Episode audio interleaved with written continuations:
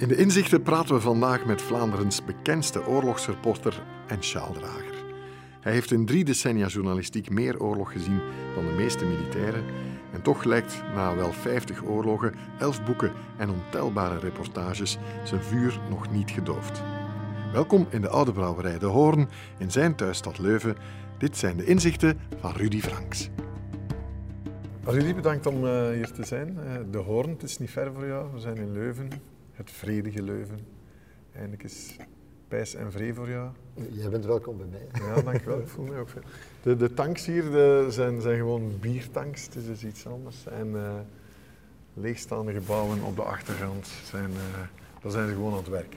Dus als je geluid hoort, we hoeven niet onder de tafel te duiken. Dat is een mooie plek. Ja. Een dag als geen andere vandaag. Hè. Uh, 22 maart, vier jaar geleden, kwam de oorlog al eens dichter bij ons in Maalbeek en Zaventem. En ja, alsof dat de duivel ermee gemoeid was. Je zat er alweer bijna tussen. Hè? Ja, dat is een beetje het lot zo precies. Nee, normaal doen wij ons zaterdagprogramma, die Franks, die reportages, doe ik de opnames, de presentaties in, in de luchthaven van Zaventem. Ja. Dicht bij de Starbucks en de Exi die daar waar uiteindelijk achteraf dan de aanslagen gepleegd zijn. Die dag gingen wij normaal opnames doen. En we hebben dat op het laatste nippertje geschrapt. Omdat de avond ervoor, omdat, omdat we op de VRT iets moesten gaan doen voor het werk. En een dag uitgesteld. Maar uh, toen ik dan s morgens aan mijn koffie zat, onderweg naar... Hoorde ik het en zag ik, en we hebben onmiddellijk met elkaar gewhatsappt en zo, de, de regisseur en, en de eindtractor van... What the hell? Wat de hel, ik had er middenin kunnen zitten. En mijn gevoel was dan, en dat maakte het een beetje het dubbele van mijn, van mijn beroep en mijn leven eigenlijk, is dat ik dan dacht van, verdorie, ik had daar moeten zijn, ik had daar kunnen zijn op dat moment.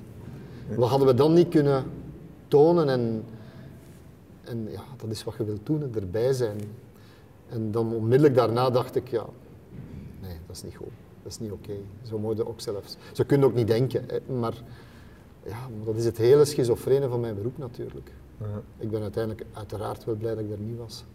En dat ik daar wat afstand van kon nemen. Maar voor mij, heel die 22e maart, was het bewijs van iets wat ik al een paar jaar aan het beweren was. Van, we kunnen bij wel denken dat die oorlogen, wat mijn, wat mijn leven is eigenlijk, om die te volgen, dat dat veraf is.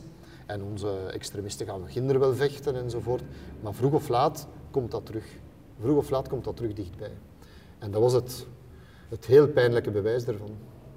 Het idee, Rudy, is dat we in dit programma aan mensen vragen om ons een aantal inzichten cadeau te doen, hè, waar we ons voordeel mee kunnen doen. Bij jou was het uh, allereerste, ik hoop niets, ik vrees niets, dus ik ben vrij. En dat stond ooit op de graftombe van... Kazantzakis, een oude Cretensische schrijver. Zorba de Griek. Oh, dat is misschien wel het eerste inzicht waar ik achteraan gelopen ben, ik zal het zo zeggen. En ik ging vroeger op reis met, uh, weet je, met interrailen, met door Europa trekken met, met uh, een hele goede vriend van mij, die trouwens overleden is intussen. En we, we trokken dan naar Griekenland verschillende keren. En we eindigden dan in uh, Heraklion, in Kreta. Dat is over heel lang geleden. en daar op, op de muren van de oude stad, daar stond een heel ruw kruis. En dat was het graf, of ter herinnering van Kazantzakis. En die had dan in die spreuk, die slogan, stond daarop. Dat was zijn leuze.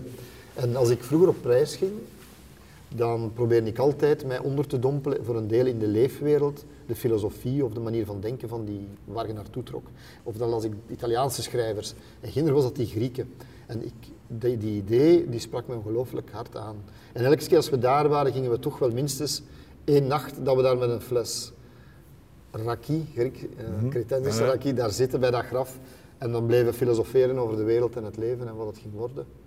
En dan dachten we, als je geen schrik hebt, als je geen hoop hebt, dan pas zij de vrij. En ik dacht van, is het dat nu? Ja, ik heb jarenlang gedacht... is ook gevaarlijk ja, natuurlijk. Hè? Ja, en ik dacht van, ik heb er lang over zitten denken dat, het, dat ik het dat kon bereiken. Ook in mijn job, want kort daarna ben ik dan mijn job begonnen. Maar eigenlijk klopt het niet. Ik heb moeten voor mezelf eerlijk toegeven dat ik wel van alles hoop. En dat is ook maar goed dat je dingen hoopt. En dat ik wel voor dingen schrik heb. En dan was mijn volgende vraag, ben ik dan eigenlijk wel vrij? Of kan ik dan wel vrij zijn? Ik ben nu, maar ja, daarvoor moet je oud worden natuurlijk, tot de conclusie komen, ik denk dat je dan wel kunt vrij zijn. Dat je dat moet gewoon aanvaarden, dat je angst is een deel van uw, of schrik voor dingen is een deel van uw bestaan, mag u niet verlammen. En hopen is een nog wezenlijker onderdeel van uw bestaan. Dus je moet blijven hopen. Ja, je toont ook vooral uh, in veel van jouw reportages mensen die blijven hopen tegen Natuurlijk. beter weten in. Ja. Te midden van dingen die hen behoorlijk wat angst inboezemen. Wel, toen was ik tot het inzicht gekomen dat mijn inzicht niet klopte. ik Wat op zichzelf een inzicht nee, is. ah, wel, ja, natuurlijk, maar ik ben er nog altijd niet uit wat Kazantzakis bedoelde daarmee dan. Hè. Omdat ik, misschien dat hij gewoon, als je daarover nadenkt, is het voldoende. En misschien bedoelt hij, leef in het nu. Doe nu, want het is nu dat je moet goed doen en een fout kunt ondervinden enzovoort. Ja, maar bijvoorbeeld, ja, bij veel mensen zit hun grootste hoop en grootste angst in hun kinderen. Ja. Is dat een van de redenen waarom dat je bijvoorbeeld die richting niet bent ingeslagen? Dan ben je wel iets vrijer.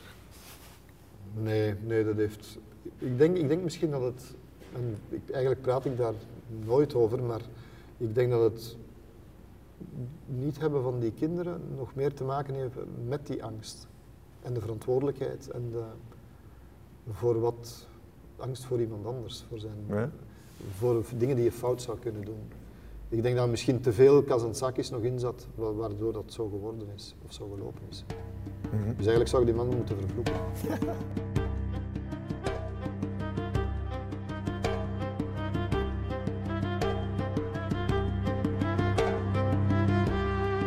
tweede inzicht voor die komt ook eh, van een schrijver, niet de minste, Primo Levi, hè, overlever van Auschwitz en zo.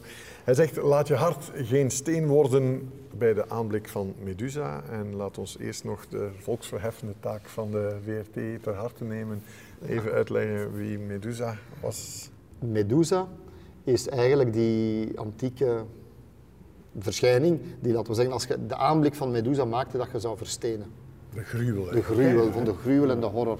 Dus voor mij gaat het is het een soort van parabel of een beeldspraak voor de dingen die ik zelf ook heb gezien of meemaak. En al zeker voor Primo Levi, waar ik dan inspiratie bij zocht, die de kampen overleefd heeft. Ja. Hoe ga je om met waanzin?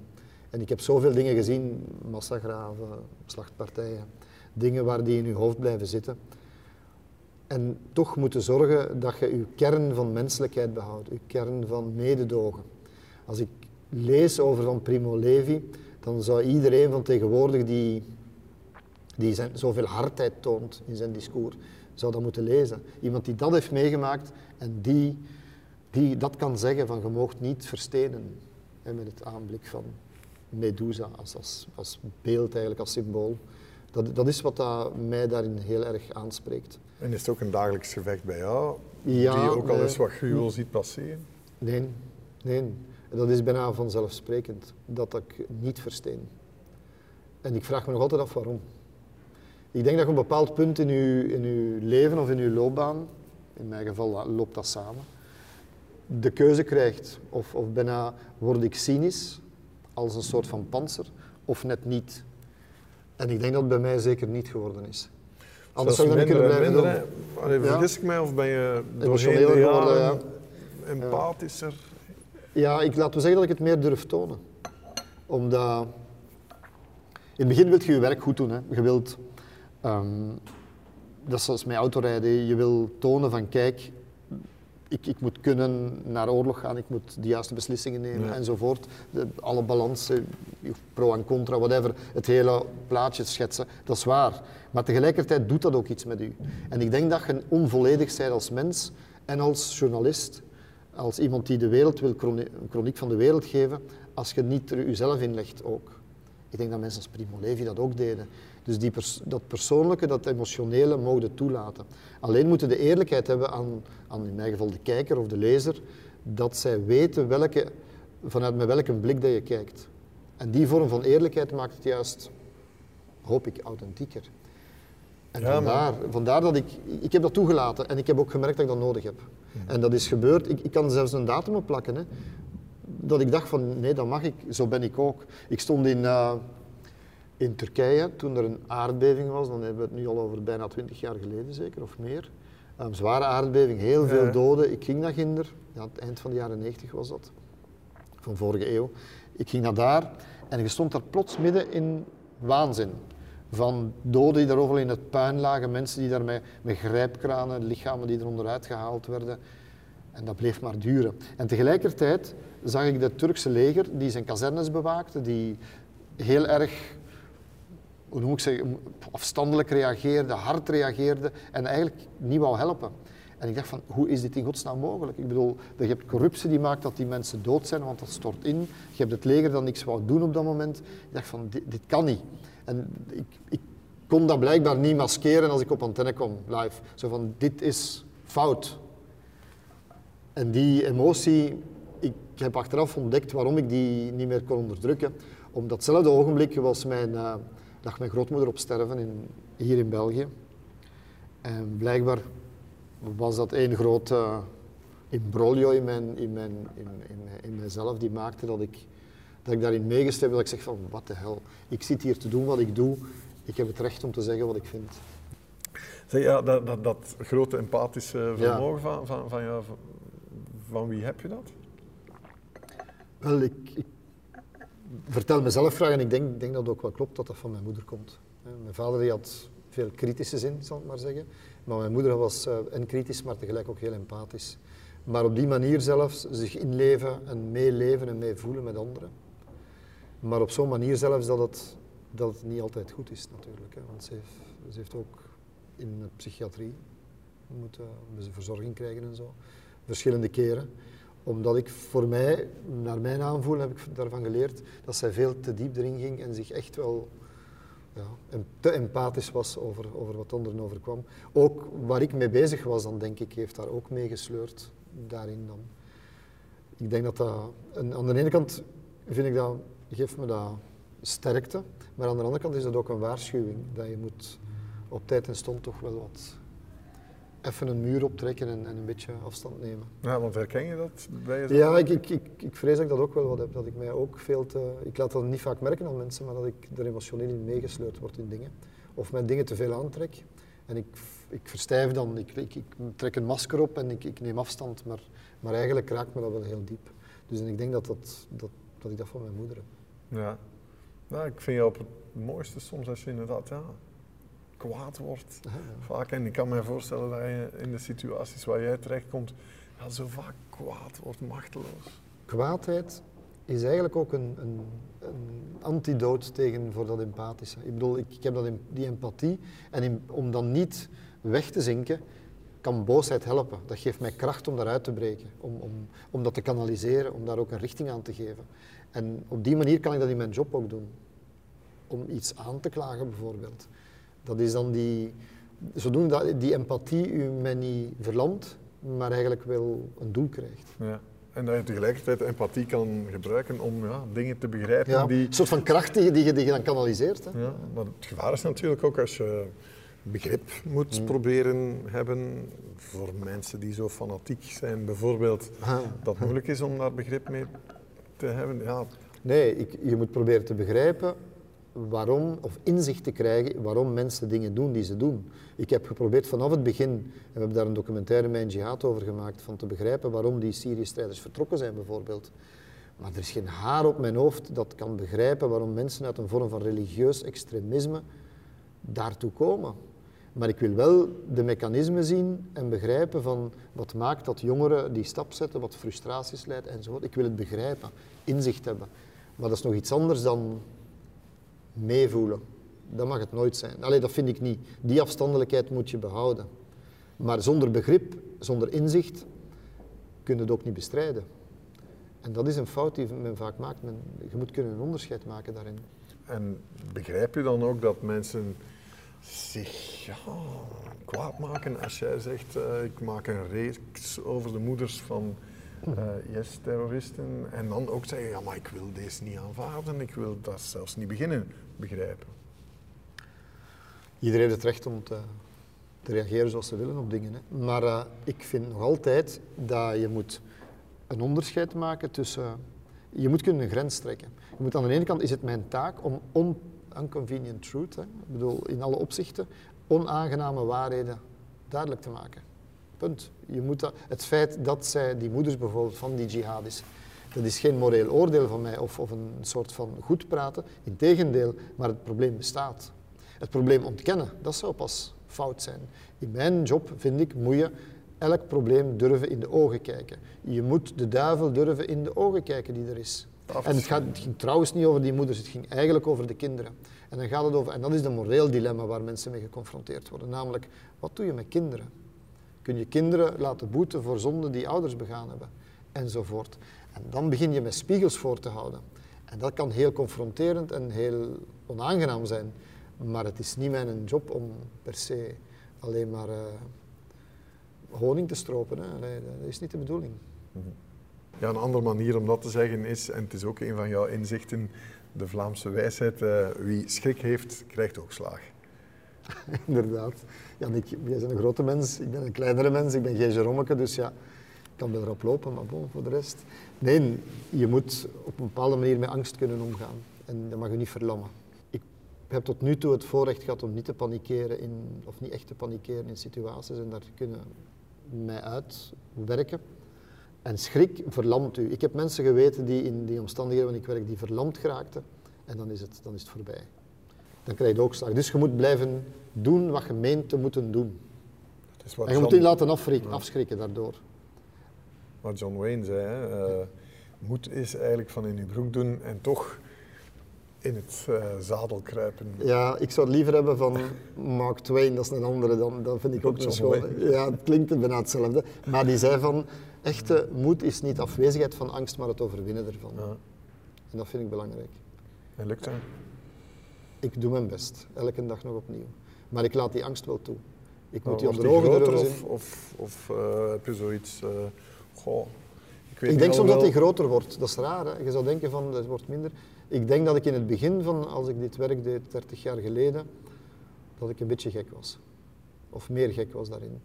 Ik leefde meer alsof ik in die films die ik, waar ik mee grootgebracht ben, hè, Apocalypse Now en uh, The Killing Fields en uh, ja, al die oorlogsfilms. En van de journalist die dapper naar ginder ging. Ik dacht van, ik ga vooruit en ik zal geen Jeromeke zijn, harder werken dan iemand anders, meer werken dan iemand anders, proberen slimmer te zijn dan iemand anders en blijven doorgaan als een ander stopt. Dat denk ik nu op, dat moment, op dit moment niet. We doen gevaarlijkere dingen misschien nu, omdat de oorlogen met, met de IS en zo gevaarlijker zijn. Maar ik heb wel geleerd dat dat geen gezonde instelling was. Van, want zo dacht ik wel, je moet blijven doorgaan. Kent je die scène van mm. The Deer Hunter? Ja. Daar, roulette, daar Russische roulette. Ik dacht vroeger, voor ik dit werk deed, van ik cool. Cool, ja. dacht ik. Ja. Zou ik dat durven, dacht ik. En toen dacht ik, nou, misschien wel. Hè. Nu denk ik, zeg jij zot, joh. Nee, um, dat is toch een inzicht krijgen. Ja, ja, absoluut. Is dat ook jouw grootste schrik om, om ja, vermits dat jullie een, een deel van de oorlogsvoering geweest uh, of geworden zijn, dan ja, zelf gekidnapt worden, weet ik veel. Uh. Gekidnapt worden is mijn allergrootste angst. Mijn leven is opgedeeld in de oorlogen die ik gevolgd heb. Ja. En sommigen blijven doorgaan. Het klinkt vreemd, maar het is zo. De oorlog in Irak 2003 begonnen, de laatste oorlog in Irak zeg maar. Um, ben ik heel vaak naar daar gegaan. Heel intens, twee, drie keren per jaar. Ik heb mensen weten doodgaan daar. Ik heb met tolken, die vrienden van mij waren, weten, weten afmaken. En heel veel aanslagen. Ik ben er nooit zo dicht op gezeten. Ik, ik noem dat graag het, het Vietnam van mijn, van mijn generatie of mijn bestaan eigenlijk. En vaak gedacht, als je in die waanzin telkens opnieuw meegaat. En ook in de angst. Want dat is iets dat, ik, dat moeilijk over te brengen is. De angst, de ongelooflijk intense angst die je voelt als je ergens naartoe rijdt waarvan je weet...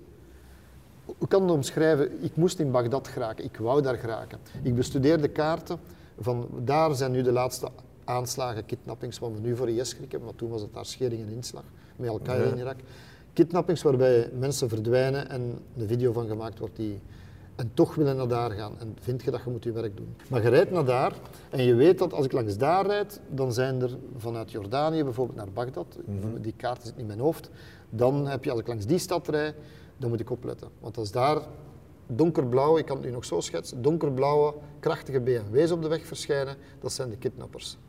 Dus dat moeten vermijden. Dus je moet, mag ik de ring van Fallujah pakken of niet? En dan weet ik, als ik van dat punt tot dat punt, moet ik mijn ogen dicht doen en mijn lot in handen geven van eender wie, maar gewoon mijn ogen dicht doen en weten, als ik over een uur ze open doe, dan ben ik er. Dat is angst. Ja. Als ik in die, in die auto naar Bagdad zat, van uw ogen dicht en hopen dat er niks gebeurd is. Als het ontploft en het is te laat, dan is het te laat. Allee, je wilt ook niet verminkt zijn natuurlijk, maar, maar gekidnapt Dat heb worden... je ook meegemaakt, hè? Ja, ja, ja, ja, dat is, ja, ja, dat is, dus een collega van mij, de eerste buitenlandse journalist, is op drie meter van mij gedood. Op die manier door een granaatscherf. En ik had als bij wonder niks. Geen, no scratch, niks. Maar gekidnapt worden is de grootste angst, omdat, omdat u dat totaal machteloos maakt, ontmenselijk maakt. En ze spelen ook met die angst, hè. Uiteraard. En dan is het ook van wie schrik heeft, krijgt ook slag. Moet Ja. dan u, mag uw angst daarvoor u verlammen en maken dat je niks meer doet? Nee, toch? Maar het heeft wel betekend dat bijvoorbeeld de laatste keer toen, toen ik in, eh, in Syrië zat, in Noord-Syrië bij de Koerden, toen dat Turkije daar ging binnenvallen en dat aan de andere kant het, Sy- het regime van Assad plots ging samenwerken met de Koerden en ging overnemen, ben ik moeten hals over kop vertrekken. Ik sta op de zwarte lijst van, van IS, ik sta op de zwarte lijst van Al-Qaeda in, in Syrië, in Al-Nusra, en ik sta op de zwarte lijst van het leger van Assad. Dan schiet er niet veel over. En als die dan komen, dan weet ik, ik wil niet eindigen in een gevangenis. Dus ik neem aan dat je die donkerblauwe BMW's niet gezien hebt, of, of je zat er niet meer. Nee, nee, ik heb ze niet gezien. En dat was in, in Irak en nu heb ik de checkpoints vermeden van en was ik op tijd weg. Daar heb ik, dan denk ik van, dan, wie schrik heeft, krijgt ook slaag, maar op dit moment, uw schrik moet u ook uw, uw gids zijn om, om de juiste beslissing te nemen. Ja. Straf eh, en, en, en ja, moedig, terwijl dat dus... eh, Nee, want ik ben gaan lopen. Ja, Ja, precies. ik vind, het- dat, vind, dat vind ik dus ook een inzicht. hè. Ik heb Ja. geen schrik om te gaan lopen als het moet. Hè. Echt waar niet. Ik wil daar niet zoals eh, als een kleine gorilla gaan op mijn borst kloppen en zeggen van hallo. Nee. Ja. Wie omgaat met monsters, alles snel, Ja, ja, eh, zelf een monster eh, Ja, dat is, iets, ja, dat is iets waar ik heel erg mee zat. Dat is wat ik bedoelde met Nietzsche, die, die dat citaat gaf. Van, vroeger las ik die dan, eh, lang geleden. Nu lees ik die niet meer, maar toen ik nog studeerde las ik Nietzsche. Dan, dan was dat van, ja, wie met monsters vecht moet opletten dat hem zelf geen monster wordt. Je mocht dus moet het ondergaan en die afgrond die je nu kijkt, want je kijkt in de afgrond, die een afgrond op zo'n moment als je angst hebt, dan kijkt die je nu. En, Dat klinkt eh, raar. en Nee, nee, mensen denken het dat, grappige is mensen gaan dat... denken dat ik gek ben of zo.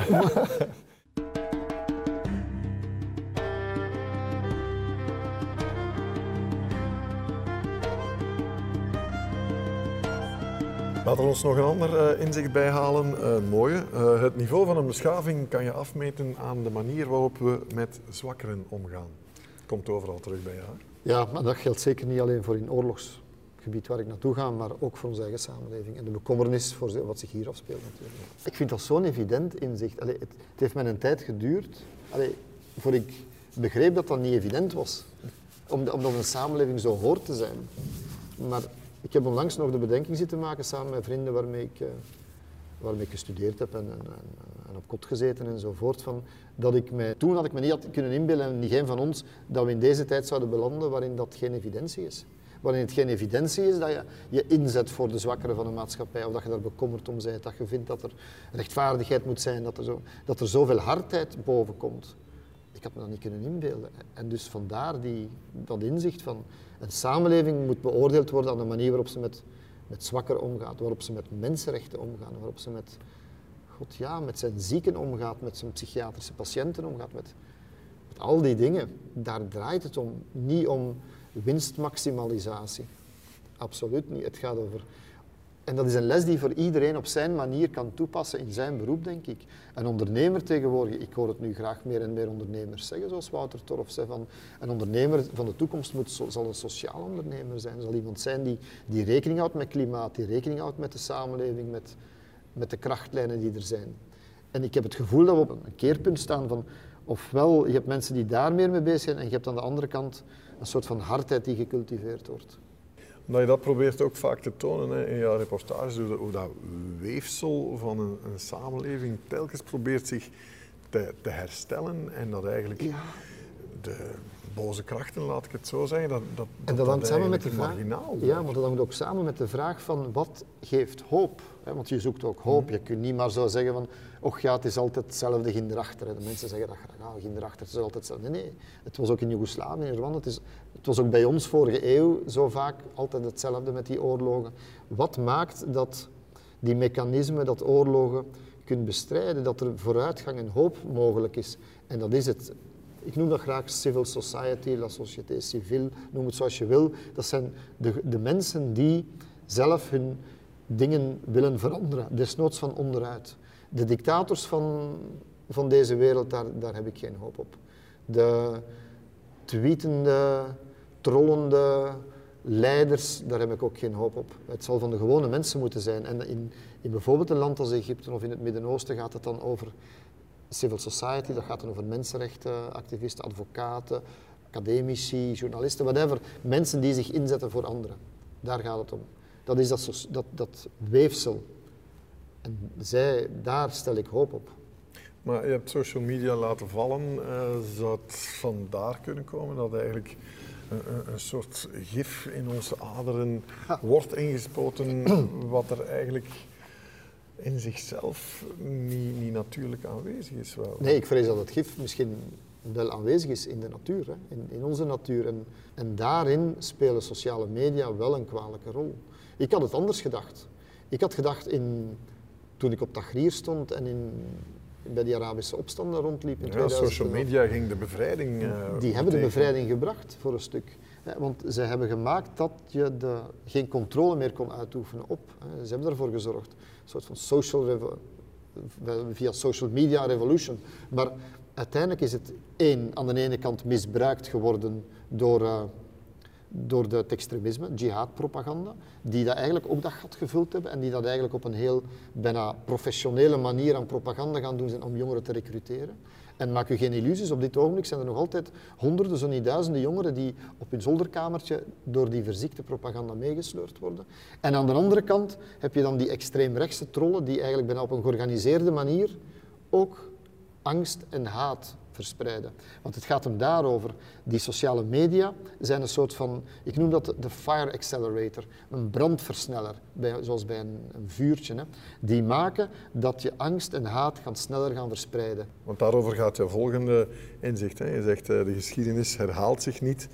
Maar het menselijk gedrag wel Absoluut. in bepaalde omstandigheden heeft weer met haat Absoluut. en angst Dat is die spiraal van angst en haat. Dat is dat rad dat draait. En bepaald, blijkbaar op een of andere manier toch altijd op datzelfde punt blijft stopt. En dat is namelijk de angst en de haat jegens de anderen.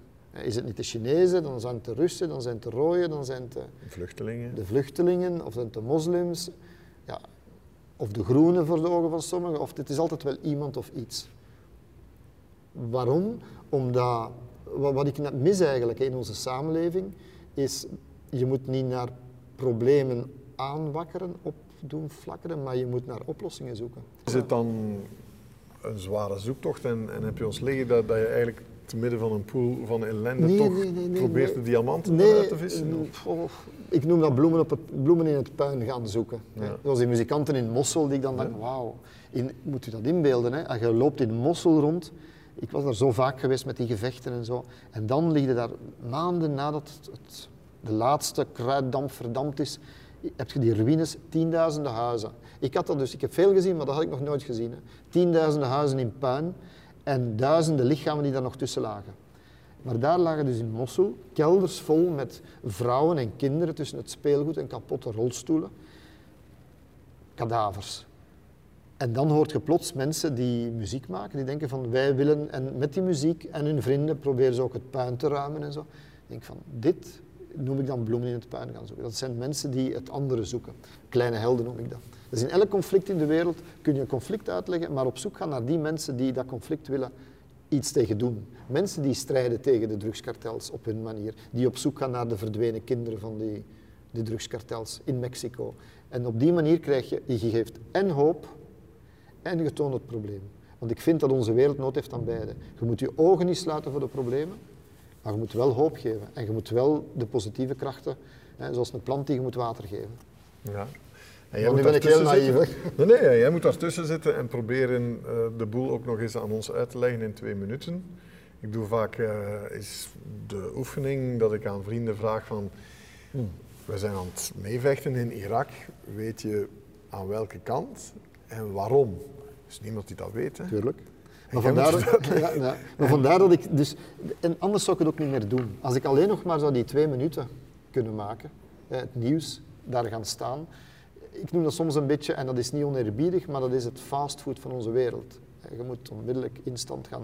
Goed, ik wil ook die andere dingen doen. Ik wil boeken schrijven, ik wil documentaires maken. Maar, Maar toch, ook daar moet je proberen ergens scherprechter te zijn en mij uitleggen ja, wie zijn de goeie, wie zijn de slechte. Hè? Waarom wil je... Ja, maar wil jij per se altijd een goede en een slechte hebben? Maar als we Jij ergens bent ook een- grootgebracht in de wereld van John Wayne met de Nee, kouwers we naar de witte en de zwarte. Ja, maar als we ergens op dit moment zijn aan het meevechten, dan heb ik liever Maar laten van we wel hopen wezen, dat we nog aan de juiste kant staan. Maar inderdaad, Assad is een oorlogsmisdadiger. Absoluut. En, En, en, IS ook, en, en Al-Nusra ook, en, veel van die Dus- dus, eh, ook. Ja, dat is waar. En als we dan meevechten met de kant van de Koerden in Noord-Syrië. Dan laten we ze stikken. Maar stellen we ons daar niet te weinig vragen bij? Ik kan ze alleen maar... Ja, ik, ik stel er mij elke dag vragen bij. En ik doe het dan ook. Ik kan, Dat is waar. Ja, maar je kan alleen maar telkens opnieuw dat overbrengen. Maar je moet wel in gedachten houden, in oorlog, bestaan geen goeie. ja, wel, laten we zeggen, ik ben al blij als ik kan zeggen, er zijn er betere en slechtere. Oké, maar je bent historicus geworden bijvoorbeeld omdat, ik neem een bocht, maar jouw grootvader was bij Ah. de witte Ja, en, en in de familie zaten er ook zwarte. Daar proberen we te kijken naar ja dat is waar. wie was aan de juiste kant van de geschiedenis. Ja, ik vond mijn grootvader een goeie.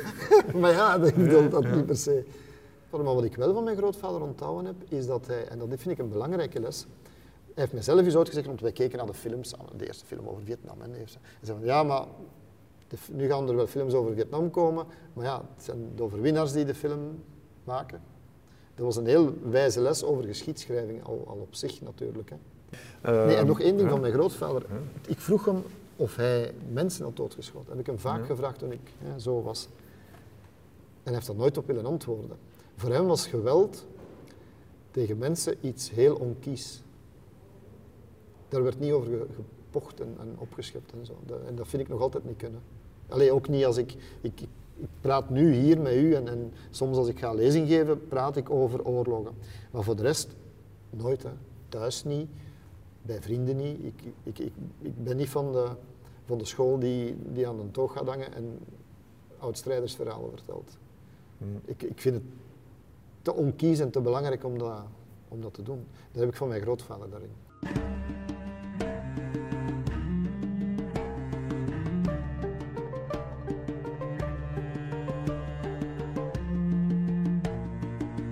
Dit is je volgende inzicht. In het tijdperk van de leugen is de waarheid verkondigen een revolutionaire daad. En ik zie zelfs waar het vandaan komt. Ja, komt hier van eh, een slogan die ik in New York heb opgepikt vorige, vorig najaar. Van George Orwell. Ik heb dat vorig najaar. eh, Die idee, de basisidee, die, die droeg ik al lang, want ik was al, al jaren aan het worstelen met wat er zich op, op fake news afspeelt. Maar vorig najaar ging ik naar, eh, voor mijn historische reeks over de oorzaken van eh, na 9-11 in eh, New York. In a time of deceit, telling the truth is a revolutionary act. George Orwell werd bij studenten aan Washington Park in, eh, in New York uitgedeeld. Dat is waar. En vanaf nu laat ik dat zien aan de mensen bij mij die bij mij komen werken. Stagiairs en zo.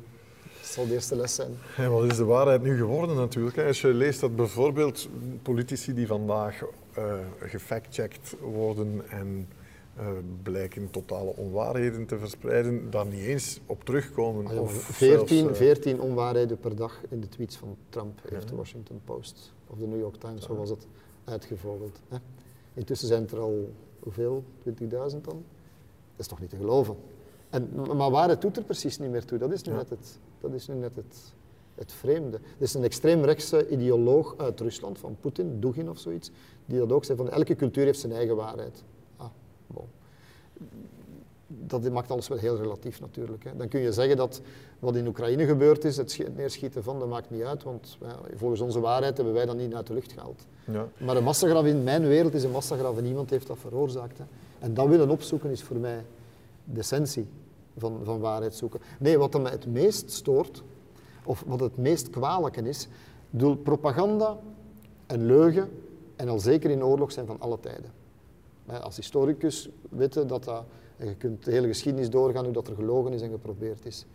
Maar door die brandversneller van die sociale media op dit moment kan men bewust proberen om dat te verspreiden.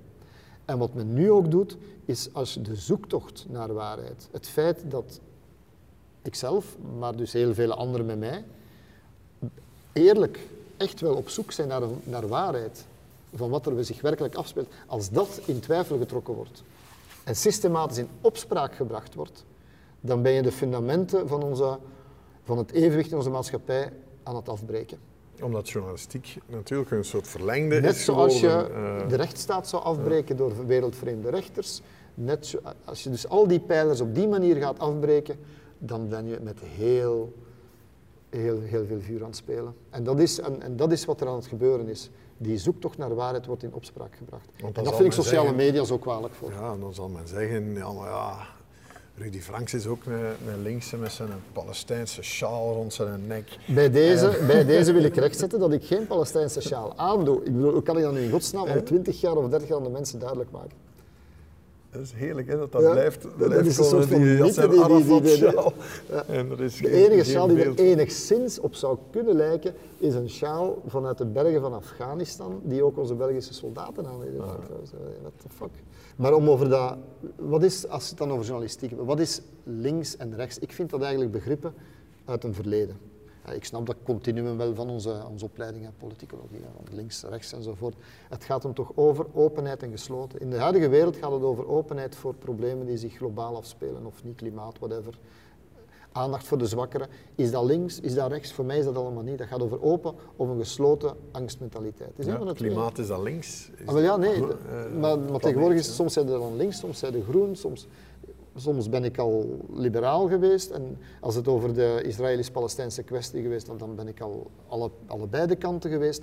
De essentie is, wat men niet wil aanvaarden, in mijn stijl, en dat moeten angstvallig aan vasthouden, wil ik op een manier die zo eerlijk mogelijk is en waarbij mensen mogen weten waarom ik die keuzes maak, op zoek ga naar wat er zich daar afspeelt, wie de zwakkeren zijn. Ja, hetzelfde met dat inzicht over de samenleving en de maatschappij die aandacht moet hebben voor zijn zwakkeren.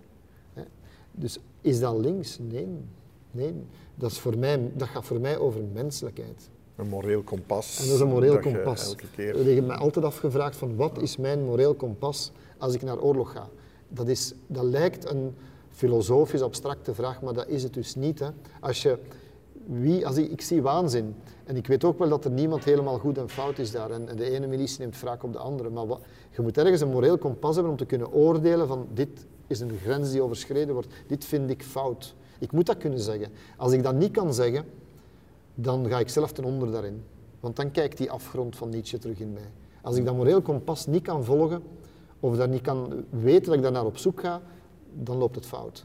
En dat moreel kompas moet mij kunnen zeggen van wat is goed en wat is kwaad. Ja. En is dat links of rechts? Nee, dat is goed en kwaad. Dat gaat over menselijkheid, openheid. Weet je, ik spiegel mij graag aan, aan dingen uit de geschiedenis. In de zin van, ik, ik stel me soms de vraag, als ik, dat ik mijn grootvader zou kunnen de vraag stellen, hè, van als hij nu zou leven nog, ben ik juist bezig en wat is goed en wat is kwaad? Want het was makkelijk om achteraf te oordelen over wie fout was in de oorlog. Mensen, dat is heel gemakkelijk allemaal. Hè?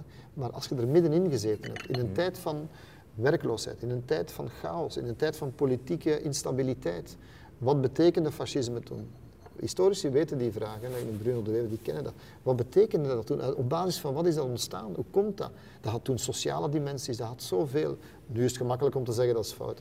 Wie kan de juiste keuzes maken op het moment dat je erin zit? Wel, wij zitten in een moment. En om de juiste keuze te maken, ik, ik, ik ben daar heel nederig in, want ik weet het niet. En ik hoop dat ik de juiste keuze maak. Want workaholic zal je Jawel. sowieso zijn, ja, dat, ja. dat kan ik mij niet anders voorstellen. Ben je ook waraholic geworden? Nee, dat denk ik niet. Allee, ik, ik zeg graag dat ik dat niet ben, maar ik denk dat ik het heel moeilijk zou hebben om die dingen kunnen los te laten. En ik voel ook de behoefte aan die afstand soms, hoe moet ik het zeggen? Ik heb nu, ik wil mezelf terug mijn hoofd vullen. Het is alsof ik mijn hoofd de hele tijd aan het doordraaien is. En dat blijft, dat stopt geen minuut. Ja. Al jaar na jaar, dag na dag. En nogthans eh, was dit ook nog een van jouw laatste inzichten. Stilte verlicht mijn levenspad. Maar stilte die moeilijk te vinden is, dus blijkbaar. Ja, ja, dat is een eeuwige worsteling naar die stilte. En is het toch raar eh, als je dan telkens terugkomt uit, uit gruwelgebieden, oorloggebieden enzovoort, En je bent hier in, in Leuven en alles is prijs en vrede en we doen allemaal door. Alsof er niks aan de hand is. Omdat dat moet. Want weet je, ginder doen ze ook door. Alsof, alsof ze hopen dat er niks aan de hand is. Ik heb zoveel mensen altijd gekend, kinderen en kinderen nog altijd. En dan bedoel ik met kinderen in Kabul, in, Bagdad, in wherever eigenlijk. Die gewoon willen dat hun kinderen naar school gaan s'morgens. En dat zeggen ze letterlijk. En smiddags leven terugkomen. En ze willen gewoon doordoen. En als er nu gevechten zijn, hè, soms als die dan gestopt zijn, na twee, drie dagen, dan zie je de markten op de hoek van de straat al terug boven komen. Dan zie je de boerkes van de buiten komen met hun tomaten om te verkopen. Omdat het nu eenmaal moet. Men vraagt soms van mensen die ik ken, hoe, hoe leven die kinderen daar dan? Maar je kunt geen kinderen in een oorlog die al tien jaar duurt, binnenhouden. Je mhm. kunt ze niet in de kelder opsluiten dag in dag uit. Dus vroeg of laat begint dat leven onweerstaanbaar opnieuw. En dus ik vind het niet meer als logisch. Ik heb dat moeten leren aanvaarden in mijn hoofd, hè, dat dat hier zeer zeker ook is. En dat maakt het ook gemakkelijk, eerlijk gezegd. Want dan kan ik van Ginder terugkomen. Ik kom nu van Gaza terug. Ja. Wat ook een van de ellendigste plekken op de planeet is, laten we wel wezen. Echt een luchtgevangenis voor een stuk. En dan kom je hier en ik, heb er, ik ben blij dat ik er buiten ben. Ik ben blij dat ik kan ademhalen en dat ik hier een koffie kan drinken. Dus je moet dat aanvaarden. Want als je dat niet kunt aanvaarden, dan, dan kun je daar ook niet mee leven. Ja. Want je zegt ook, ja, stilte ik is wil dat een beetje, ja, wat mijn levenspad verlicht. Ik, al wel, dat is wat ik wil, dat is wat ik zoek en wat zo moeilijk is om, om, om te cultiveren. Hè. Ik heb zo dikke, dikke boeken liggen die ik wil lezen en ik, ik denk van het is de moeite dat ik eraan begin, omdat ik mijn, mijn eigen er niet kan in verliezen. Want om te verliezen moet je stilstaan. Het probleem is dat mijn hoofd telkens opnieuw in gang schiet. Zelfs in Umbrië, waar zoals iedereen dan een stulpje ja, ja, ja, iedereen die zichzelf respecteert. nee, nee, nee, nee. Ik heb dat twintig jaar geleden al gekocht. Heel veel tijd ingestoken om dat te, te verbouwen en zo. Voor mij is dat een deel van de, het antwoord. Alleen ook daar is in de loop der jaren is mijn werk mij gaan achtervolgen. Hè. Door, doordat je satelliettelevisie, sociale media, telefoon. Vroeger was dat waren bijna onbereikbaar, nu is dat, kan van daaruit bijna live gaan. Hè. Allee, dat maakt het weer anders. Nee, ik, ik hoop het. Ik heb nu het voornemen genomen als ik hier buiten ga, volgende week ga ik daar een moestuin aanleggen. Dat is een mijlpaal in mijn bestaan. Vrij goed. Dan uh, kan ik je alleen de totale werkloosheid bijvoorbeeld toewensen, want dat zou willen zeggen dat er overal vrede, op aarde is, kan mij sowieso niet voorstellen dat je de wedstraat zou gaan doen of het autosalon. Dus dan kan je eindelijk zelf die boeken gaan lezen of schrijven. Over de geschiedenis van oorlog dan. Ik wens je dus vrede en uh, bedankt om nog eens uh, in het vredige Leuven uh, terug te zijn en toch veilig blijven dan. Graag gedaan, dankjewel. Merci.